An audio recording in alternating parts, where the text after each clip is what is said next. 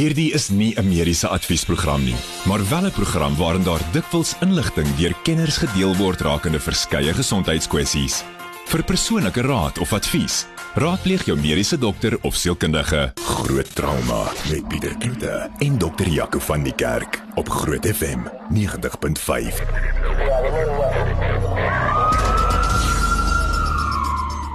Welkom by se Groot Trauma. Ek is Pieter Kloete en saam is dokter Jaco van die Kerk. Hy is uh, direkteur van die trauma eenheid by Med24 en ook sy eie praktyk daar in Pretoria Noord. En uh, Jaco, ons begin so 'n bietjie met nuus stories vanaand. Dit lyk vir my dit is oorheersend, maar gaan dit maar oor COVID, COVID, COVID, COVID. Ehm um, ek sien baie van die hospitale in uh, Noordwes, Limpopo en uh, Vrystaat brul uh baie vol en uh, moontlik nou Gauteng ook. Ja Pieter, ek um, dink hier in die laaste week het ons 'n uh, redelike toename gesien in pasiënte wat positief toets en wat by ons uitkom. Ehm um, in die hospitaal waar ek werk is een van die intensiewe sorgeenhede reeds vol en ehm um, mense moet begin pasiënte oorplaas ehm um, weens 'n gebrek aan aan plek. Ehm um, ek weet al die hospitale probeer 'n groot deel van die hospitaal wat ons noem 'n groen deel hou, met ander woorde wat COVID vry is, sodat ons soveel as moontlik van die elektiewe werk nog kan doen en die gewone pasiënte met die gewone siektes en die gewone operasies wat gedoen moet word nog kan laat aangaan. So ons probeer om net 'n gedeelte van die uh, van die ehm um, uh, hospitaal dan rooi te, te maak, maar daai gedeeltes is al reeds onder druk. So ek dink regtig ons is besig om stelselmatig um, by te kom. En dan is daar ook nou nog 'n artikel op Net24 wat lees dat um, volgens kenners aan die Universiteit van Vryheid loop COVID-19 pasiënte wat in die waakeenheid van hospitale met ernstige simptome opgeneem word, die gevaar om 'n dringende swaminfeksie op te doen. Ek meen waar tel hulle hierdie infeksie op? Ja, Pieter, die die die groot ding is ehm um, COVID is mos maar 'n virale infeksie en gewoonlik word ons geleer op universiteit 'n virale infeksie doen nie goed met kortisonbehandeling nie. Ehm um, en eintlik kan mens virale infeksies op sy sy intensiteit verhoog as 'n mens kortison gee vir sommige van hulle. Ehm um, die teendeel is egter waar met COVID is 'n mens dan kortison gebruik met COVID ehm um, pasiënte dan het mens baie minder komplikasies en die hospitaalverblyf is minder. Die probleem is die oomblik wat 'n mens ehm um, die virus opdoen is mense immuunstelsel klaar onderdruk um die kortison gebruik vermeerder daai immuunstelsel druk en dan is mens geneig om opportunistiese infeksies waaronder swaminfeksies is um meer um vatbaar te maak voor en dis kan mense dan kry 'n swaminfeksie is sleg is is 'n slegte ding om te hê veral as dit 'n indringende infeksie is of 'n sistemiese infeksie um want dit is moeilik behandelbaar die middels beskikbaar daarvoor is baie minder as byvoorbeeld antibiotika en baie duurder en die uitkomste is baie sleg um, in terme daarvan omdat die mense reeds immuunonderdruk is. En dan is daar ook 'n storie van 'n Gautengse regering wat nogal redelik tevrede is met inentings op dag 3. Dis natuurlik hulle fase 2 met mense wat 60 jaar en ouer is. En hulle sê volgens hulle nogal redelik baie goed gegaan. Ek bedoel hulle het gesê teen gister is al reeds 8060 mense by ouer huise en gesondheidsfasiliteite ingeënt en tot op hede altesaam 134000 mense. So dit gaan nie te sleg nie. Ek dink dit kan seker maar beter, maar ja, op die ja, stadium. Pieter, ek dink ja, dit gaan seker nie sleg vir 'n begin nie, maar ek dink nie dit is hoe dit moet gaan nie. Ehm um, ek dink as 'n mens gaan kyk na die bevolking oor 60 Hoeveel mense is regtig, ek wil nie sê rekenaar geletterd nie, maar hoeveel het internet tot hulle beskikking? Ehm um, die proses van registrasie is nie altyd maklik nie. 'n uh, persone ouer as 60 het gewoonlik komorbiditeite, so as hulle nou moet 3, 4 ure in 'n ry gaan sit, dan dink ek is dit nogal 'n probleem. Ehm um, ek weet ek het ook 'n artikel vroeër van ge, gehoor wat wat hulle sê die ehm um, uh, load shedding van Eskom het 'n groot effek op die stelsel gehad op 'n stadium. Ehm um, en daai goed maak dat mense by inentingslokale gaan opdaag wat nie en dan en en en dan gaan met huis toe gaan want hulle gaan nie ingeënt kan word nie. Ehm um, so ek dink die stelsel het nog baie hakplekke. Ek dink dit moet baie vinniger gaan.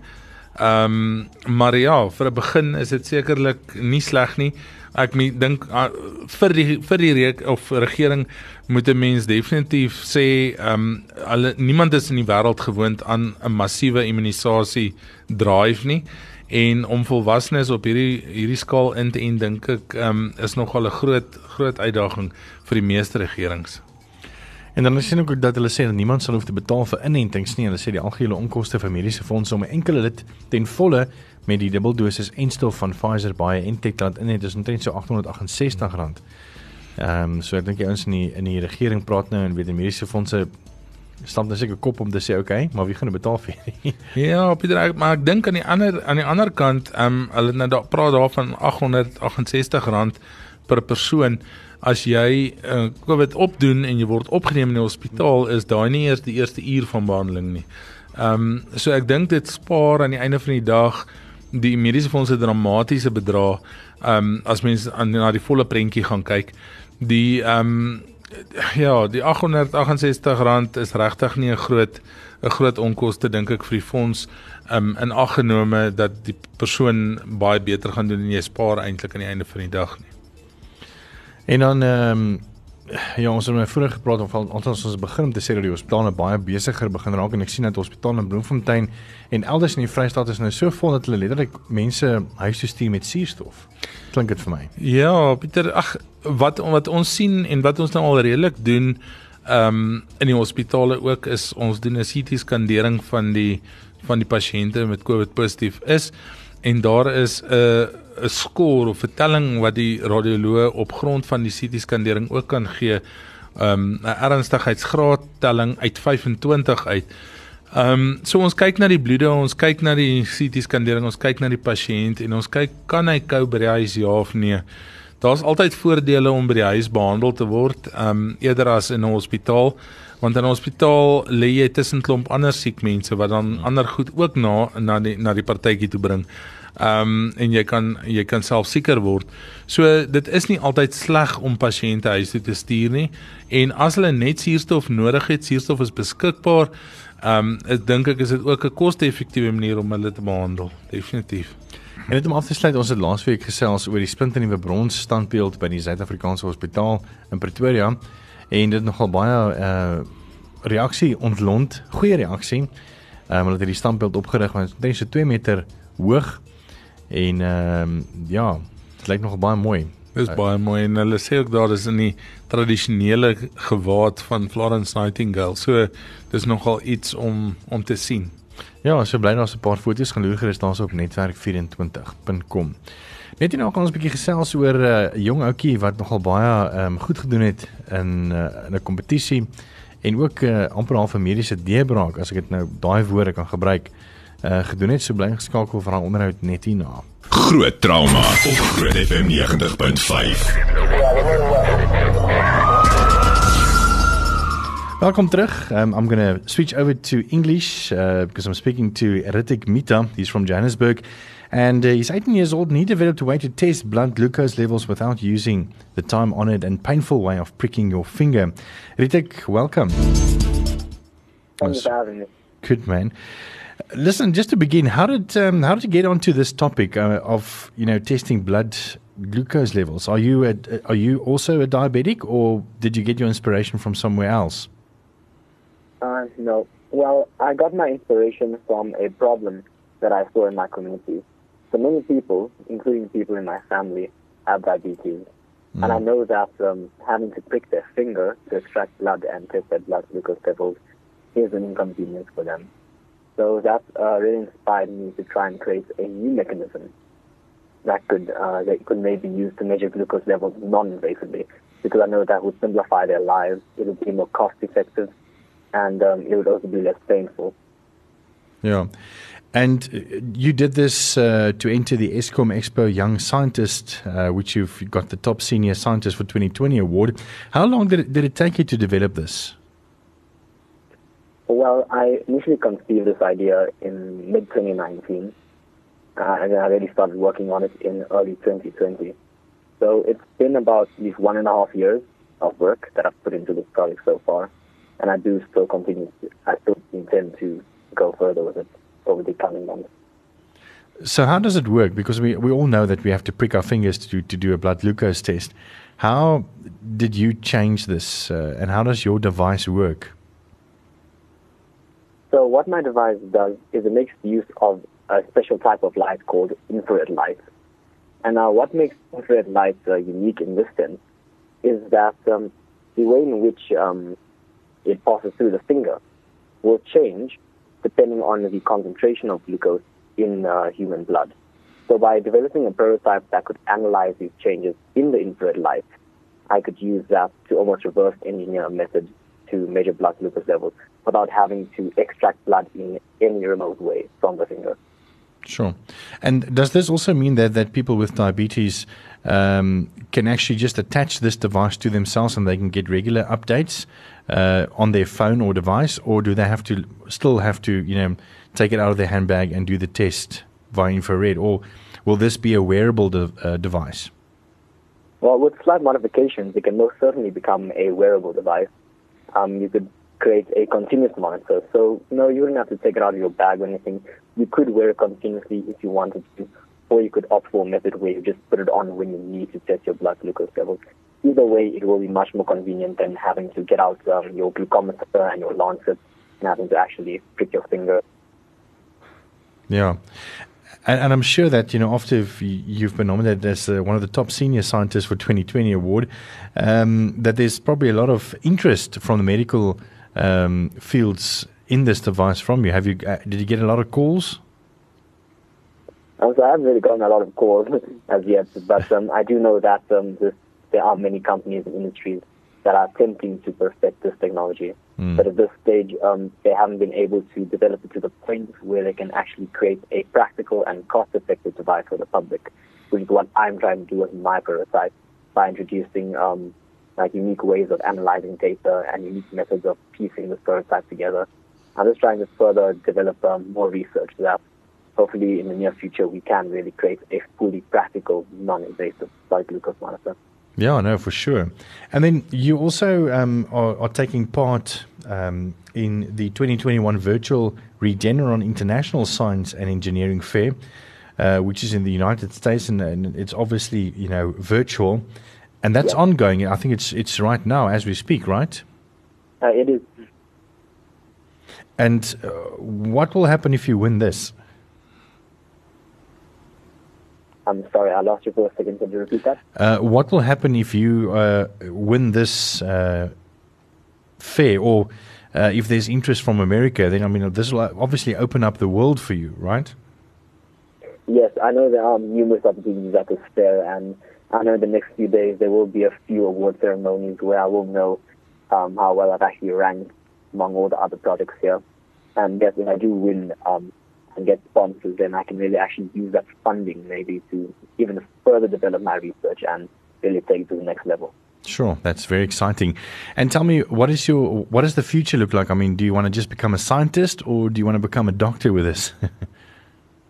Uh, well, I'm currently in matric. Uh, next year, I want to go study physics and applied mathematics at university. Sure. Because I really think um, these core subjects they will equip me with the skills I need to create more innovative products in the future.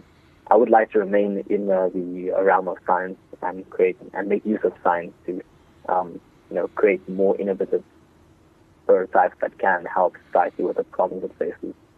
I mean, I really think you've you've you've really got something here.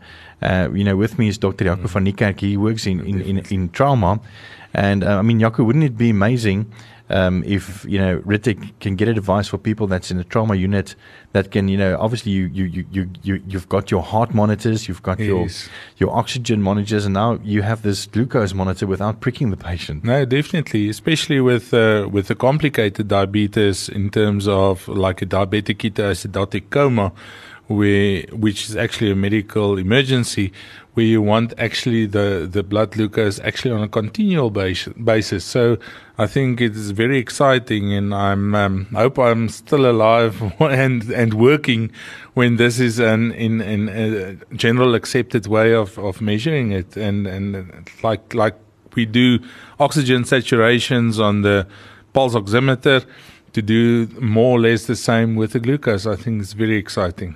Very insightful indeed. Uh, Ritik, thank you so much for your time. And listen, we're going to follow you and all the best. And hopefully, we'll get you in studio one day to come and show us this device of yours. Um, that's if a big company hasn't scooped you up and developed this into a worldwide product by then. Okay, thank you very much. Cool, man. Uh, dis Ritik uh, Mita, hy is van Johannesburg en hy het uh, die jong Eskom ehm um, Scientist Engineering Award gewen uh, en is hy tans besig ook met ander uh, goeders wat hy dan virtueel doen. Uh, baie interessant nie ook oor ehm um, hierdie goeders nê hoe en, en hoe dit werk. Dis ongelooflik. Ehm um, as ek die ding reg verstaan, um, meeste mense gaan nou weet hoe werk 'n puls oximeter of 'n of 'n saturasie monitor. Ehm um, wat ook eintlik op die beginsel van infrarooi lig wat deur die deur die vinger skyn en wat op 'n spesifieke manier breek die die rooi lig waar die ehm um, hemoglobien wat suurstof dra en die wat nie suurstof dra nie en as 'n persentasie uitgedruk word en dit klink my daai beginsel is daar om dan die geglikoseerde um, hemoglobien of die die hemoglobien wat met met suurstof uh, suiker gebind word dan op dieselfde metode te te moniteer. So ek dink dit is 'n ongelooflike goeie idee. Ehm um, en ek sien regtig uit om te sien hoe dit in die toekoms gaan lyk. Dis nou so bykans op die kop 8:30 en dis nou tyd vir jou mediese mite minuut. Vanaand praat ons oor diabetes.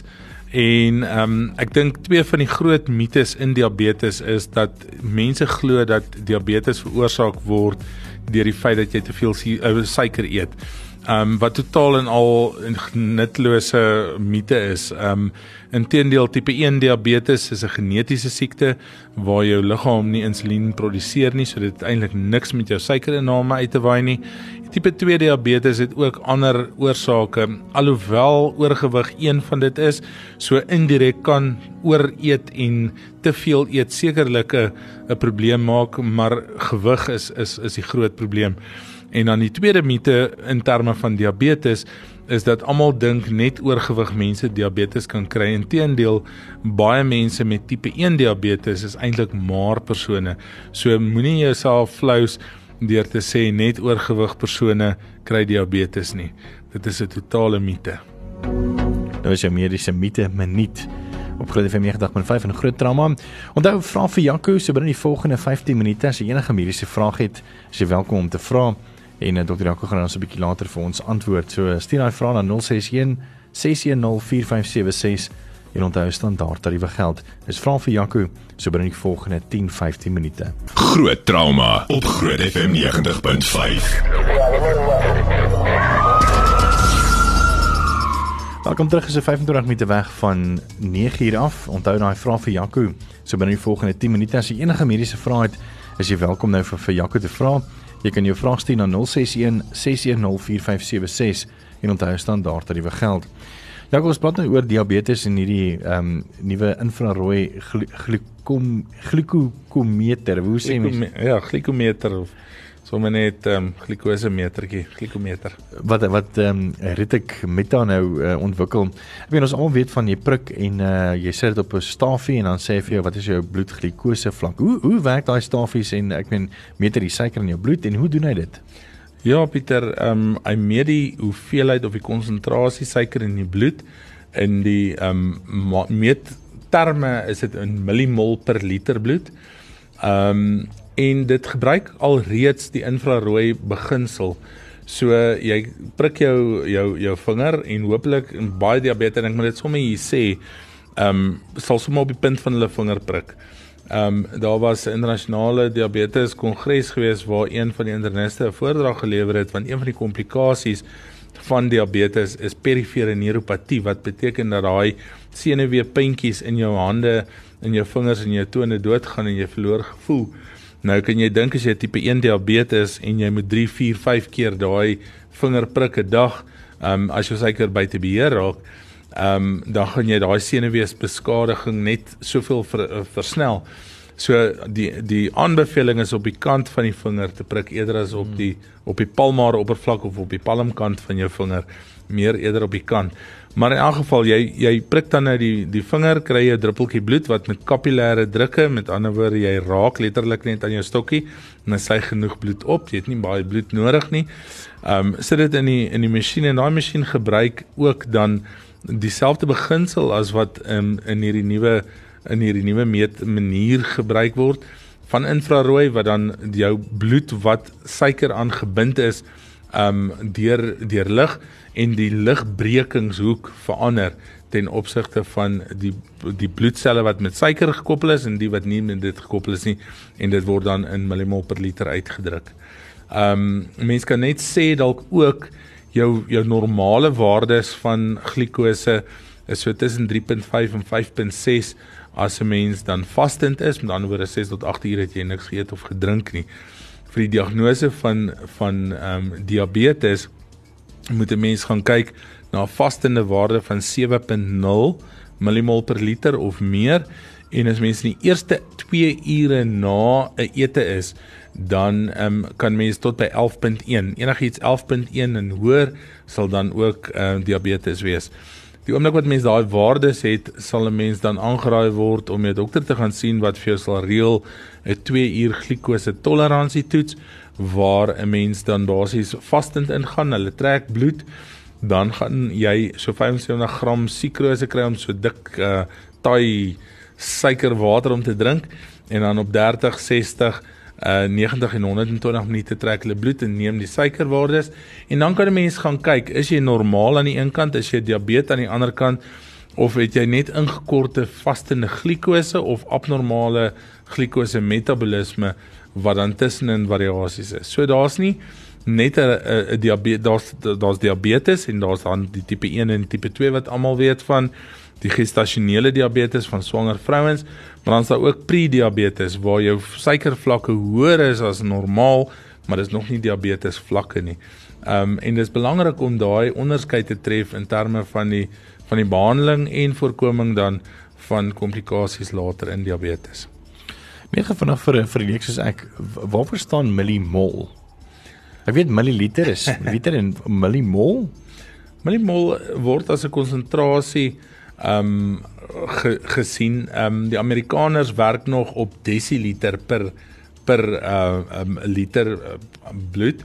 Ehm um, maar dis met die metrieke stelsel maar net van die die gewig eintlik van daai van daai kon of die gewig hoeveelheid van daai 'n gedeelte van die bloed wat dan met suiker gebind is. So dis 'n deel van die metrieke stelsel van ehm um, konsentrasies.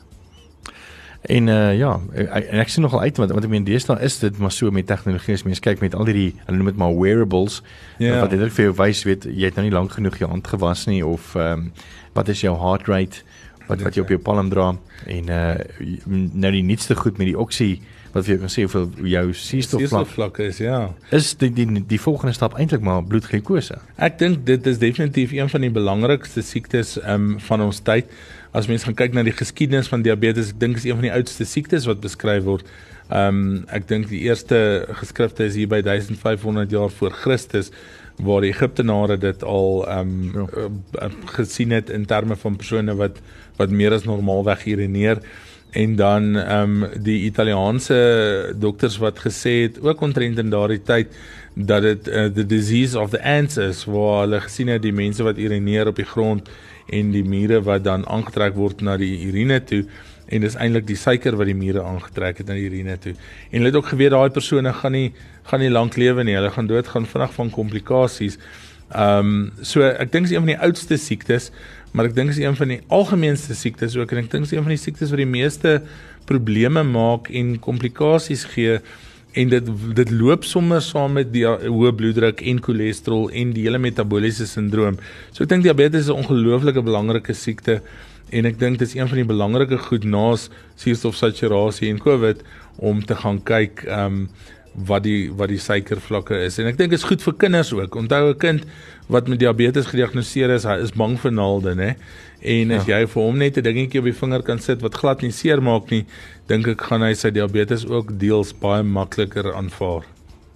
Ons het net nou terug onthou vir Jaco te vra, dis vra vir Jaco net hier na as enige mediese vrae het, kan jy vir ons laat weet by 061 610 4576 en onthou standaard tariewe geld en ons hoor graag van jou. Dis tyd nou vir vrae vir Jaco.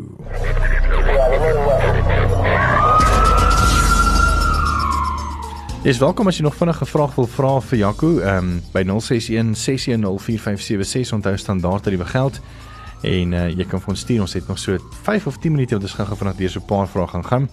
Ek sien uh, Larissa sê ek is gediagnoseer met insulienweerstandigheid. My vraag is hoekom word jy dan dadelik onder diabetes geklassifiseer? Hoiler is ehm um, die groot ding is mense gaan kyk as jy kyk na tipe 1 diabetes beteken dit jy jou liggaam maak nie insulien nie. Jy het 'n pankreas wat dan nie werk nie en dis hoekom jou glikose opgaan. Wat ehm um, tipe 2 diabetes aanbetref, maak jou pankreas insulien, maar daai insulien is nie effektief nie. So wat gebeur as jy dan een of ander koolhidraat inneem, sal jy jou pankreas oorgebruik en hy sal meer en meer insulien maak. Met ander woorde, toe hulle jou gediagnoseer het, het hulle waarskynlik insulienvlakke ook getoets en dit was baie verhoog geweest. Met ander woorde, sou jou jou pankreas net daai selfde hoeveelheid insulien gemaak het as wat hy moet maak, dan sou jou glikose verhoog gewees het en jy sou 'n tipe 2 diabetes gewees het. So insulienweerstandigheid per definisie is eintlik 'n vorm van tipe 2 diabetes en dis hoekom baie van die van die nuwer interniste en kardioloë en so aan wat met diabetes werk gaan vir jou sê hulle glo nie meer aan die term insulienweerstandigheid nie. Um insulienweerstandigheid per definisie meganisme gewys is tipe 2 diabetes. En ons bly sommer by diabetes. Ek sien Wian het nog 'n baie interessante tegniese vraag. Ja, kom ons kyk of hierdie kan antwoord. Hy sê ek het diabetes vanaf 1985. Die laaste 6 jaar is ek op insulienpomp. Bloedsuikervlakke aansienlik beter vanaf ek op die pomp is. En hy het nou 'n nuwe pomp begin die jaar en hy het nou die hy het nou bygekry die continuous glucose testing stelsel saam met die pomp. Uh, met die vorige pomp het hy net bloot geweier om dit te vat. Maar met die nuwe pomp stel hy die hoeveelheid basale insulien vry volgens wat sy bloedsuiker is en dit maak sy bloedsuiker baie meer gekontroleerd. Wat wel nou die geval is is dat hy daagliks hipos kry. Mm. Uh hipo wat sê jy regtig met hipoglikemie? Ja. Hipoglikemie. En daar's tye wat ek die pomp eers stel met my hoofmaaltye. So hoe kan ek die hipos voorkom? Uh ek seker die eerste keer wat ek so sukkel met dit, het al die target range van 5.6 na 6.1 verander. Ja, ek dink is 'n goeie target range. Ehm um, As mens met 'n basale insulien is, ehm um, dan gaan 'n mens waarskynlik, dis 'n baie moeilike vraag eintlik, maar dit hang af wat jy dan daarmee saam eet. Ehm um, as jy net te min energie inneem en jy bly dieselfde hoeveelheid insulien gee, dan gaan jou hypos maar daar bly. So ek dink die groot manier is eintlik maar om jou om jou kosinname of jou dieet um, inname dan te verander. Die ander ding is om jou basale insulien dosis te verlaag of die, selfs die die die dit wat die pomp vir jou gee en dan net met eetes soos wat 'n mens dan met ehm um, jou drie eetes wat mens basies ehm um, altyd net kortwerkende insulien bygegee het om dan ehm um, daai gedeeltes van jou van jou dieet of tye na die ete um, jou insulien vlakke net bietjie meer te maak of die die stelling net te verhoog. Maar as 'n mens letterlik jou jou insulien gemiddeld 5.1 tot 6 hou, dan is dit relatief laag. Um meeste diabetes hardloop maar 'n bietjie hoër as dit en ek dink dit is maar een van die redes hoekom mense baie op hypo gaan. Wat mense ook in ag moet neem, as mens gewoond is aan 'n glikose van 12 of 13 of 10 selfs en dit word ewe skielik 5. Is dit die helfte van waaraan jou liggaam gewoond is. En dit maak ook dat 'n mens hierdie hipoglikemie of verlaagde bloedglikose vlakke ehm um, kry wat wat dan vir jou laat voel asof jy baie baie slegte hypos kry. Dan nog 'n vraag is, naand my vrou sukkel met 'n knieg. Mense sê dis gout. Ek wonder. Ek dink die mense moet gaan op wat mense sê of wat Google sê nie. ek dink die belangrikste ding is um, as mense sê dis gout, mense kan dit toets. Ek gaan toets die urinsure. Ehm um, mense kan of oorproduksie of onderuitskeiding van ehm um, urinsure hê wat dan verhoogde urinsuur vlakke vir jou gee wat kristallisasie van daai urinsuur in die klein gewriggies het. Gewoonlik met gout begin dit in die kleiner gewrigte, maar ek sê dit kan nie in 'n groot gewrig soos 'n knie of 'n heup gebeur nie. Die ander ding wat 'n mens kan doen uit die aard van die saak is maar ekstrale en die beste om te doen is maar 'n MRI skandering en nie 'n gewone CT of 'n sonar of so nie, maar 'n MRI skandering en dan um, baie keer is dit 'n sagte weefselprobleem, anterior of posterior kruisligament en of meniskus skere en of ligament wanbeleining um, wat dan herstel kan word alles is nie noodwendig gout nie. So ek dink 'n mens moet dit gaan gaan toets en dan ehm um, die nodige beeldings ehm um, ondersoeke doen om die spesifieke oorsaak ehm um, uit te skakel. Ons het nogal baie mense wat uh, luister van die Kalahari af en die meer maar eers die vraag. uh, Goeienaand, ek is Graham en ek kom van Kato af en ek het vir dokter Jaco 'n baie goeie vraag. My vriend het sy voorlid van sy vinger verloor met 'n motorfiets sproket En ons het nou vir mekaar gesê nie atleet dit, dit klink nogal seer, maar hy sê dit was nie dit was seer maar nie soos wat hy verwag het nie. Hy sê sy gevoel in sy vinger was dood. Waarom sal dit wees? Hi Graham, ehm um, met 'n uh, met 'n motorfiets sprocket gaan jou vinger tussen die sprocket en die ketting in en dit is ongelooflike druk effek. Nou op die kante van jou vinger het jy twee klein sensasie senuweetjies wat die digitale senuwees of interdigitale senuwees genoem word. En met erge druk breek eintlik daai senuweebaan heeltemal op en mense het eintlik 'n dooie punt, 'n verdooie gevoel. En dis hoekom hulle baie keer nie pyn voel nie. Mense sal baie keer hoor by mense wat groter dele van hulle ledemate, hande of arms verloor, hulle het ook nie dadelik pyn gevoel nie. En dit um, is maar baie keer die senuwee wat afgesny of so gekneus raak dat daar nie senuwee geleiding kan plaasvind nie. Ehm, um, sjoe Jaco, ek sou bly jy is saam met my media aanbieder want jy is so goed met hierdie goeters. Ehm, um, dan sê iemand hier so groete uit die koue Kalahari. Kyk nee, ek en ja, Jaco sal verseker eerder nou vanaand in die Kalahari wil wees as hier in Pretoria. Ek wil sê groete uit die koue Pretoria uit.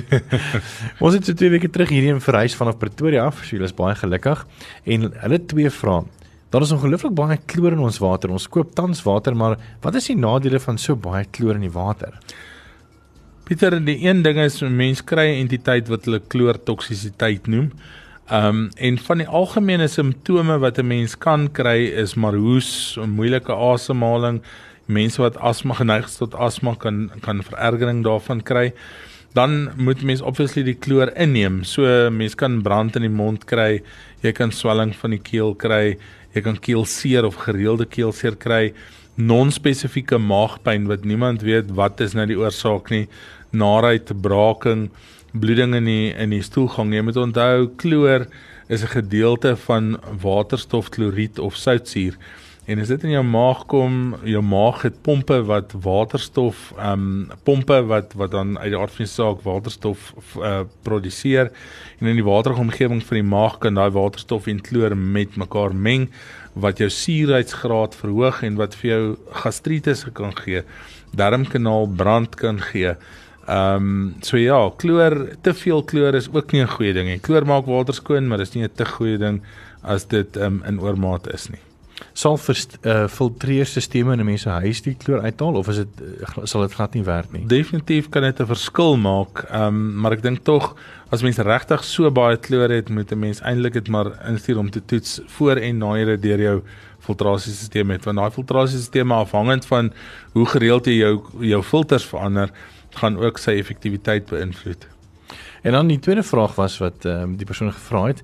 Ons word daagliks gewaarsku teen spinnekoppe spesifiek. Hulle noem onder andere die sakspinnekoppe en die twee tipe snoepie spinnekoppe en die vreeslike grillerige wit viool spinnekoppe. Mense se troeteldiere het al gevrek as gevolg van hierdie spinnekoppe. Sou een van hierdie gediertes my of my kinders byt, wat sal die dadelike gevoel en simptome wees en met die baie min mediese opsies hier by hulle, wat moet ons dadelik doen of watter medikasies kan ons toedien? Ja, dis uh Cindy Ann. Ehm um, dankie vir daai vraag. is nogal 'n mond vol. Ehm um, die groot ding is ek dink as mens gaan kyk na omgewing is daar drie groot spinnekopgroepe wat voorkom. Ehm um, en dit is maar die sakspinnekoppe en die vioolspinnekoppe wat aan die einde van die dag sitotoksies is. Met ander woorde, hulle het lokale sagte weefsel skade wat hy veroorsaak. Jy kry sel dood. Mense moet onthou om die monddele deur die deur die vel te kry beteken die organismes wat bo op die vel is kan dan toegang kry tot die oppervlakkige sagte weefsel laag en mense kan cellulitis kry. So dit begin gewoonlik met 'n cellulitis of infeksie van die vel en oppervlakkige sagte weefsel wat dan later in 'n absesformasie um vorm. Dit kan baie selde jou doodmaak as mens. Um dis net baie lastig as mens dan nou met hierdie absesse en sagte weefsel skade sit. Die ander um groep is die neurotoksiese um spinnekoppe en dis jou Latrodectus um spinnekoppe wat eintlik maar die die swart in die breinknopie is. Um hulle is neurotoksies en ja vir klein diertjies, jy weet soos soos jou klein hondjies en katte en goed kan dit redelik giftig wees en dan gaan mens waarskynlik respiratoriese onderdrukking kry en die die diere sal op asemhaal. Awesome Ek moet vir jou sê uh, mense het ek nog nie veel van gehoor.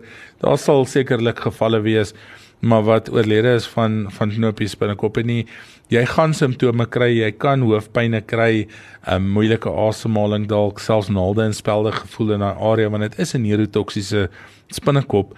Maar as mens behoort 'n mens nie noodwendig dood te dood te gaan van die latrodectus of die knopies binnekoppe nie. Dit by diere is heeltemal dan nou anders.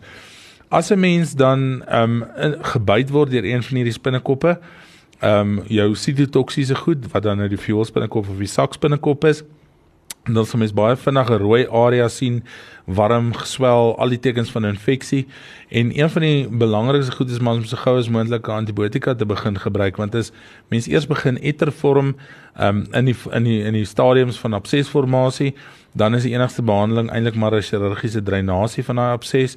Maar as mens vroeg met antibiotika begin, dan behoort dit 'n 'n groot verandering te maak in die verloop van die siekte of van die van die van die besering ehm um, wat dan nou deur die spinnekop veroorsaak is.